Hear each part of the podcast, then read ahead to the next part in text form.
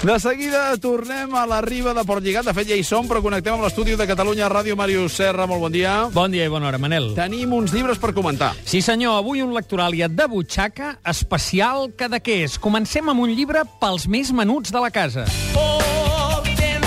Sona el tens clar, bruixa, del ja t'ho diré. Sí, senyor, això és per recomanar La bruixa de Cadaqués d'en Miquel Berga. Aquest és un conte publicat a l'editorial Cruïlla que explica la història de la bruixa de Cadaqués que cada vegada que apareixia feia bufar una tramuntana terrible i llavors ja no podia sortir ningú de casa de tant com bufava el vent.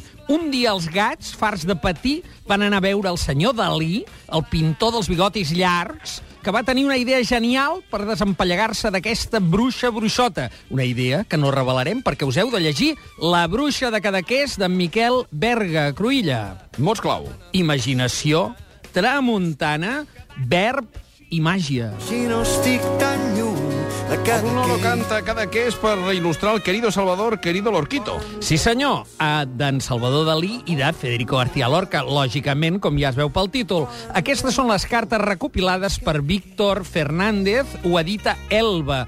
Aquí es presenta un epistolari creuat entre Dalí i Lorca, els anys estem als anys 20 i fins a la Guerra Civil, i també alguna de les cartes entre Lorca i la germana i el pare de Dalí i la Lídia famosa de Cadaqués.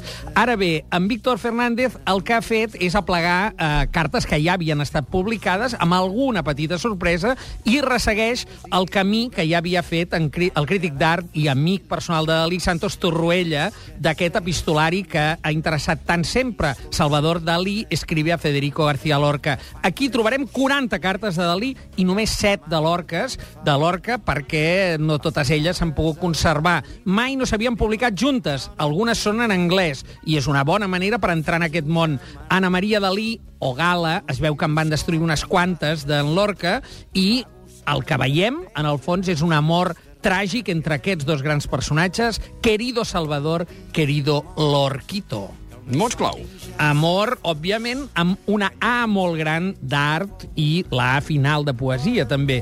Exploració, geni en les seves dues vessants, en les seves dues cares, Dalí per una banda, Lorca per l'altra. L'home que treballa fent de gos. Els amics de les arts canten l'home que treballa fent de gos per parlar de Es meu millor amic.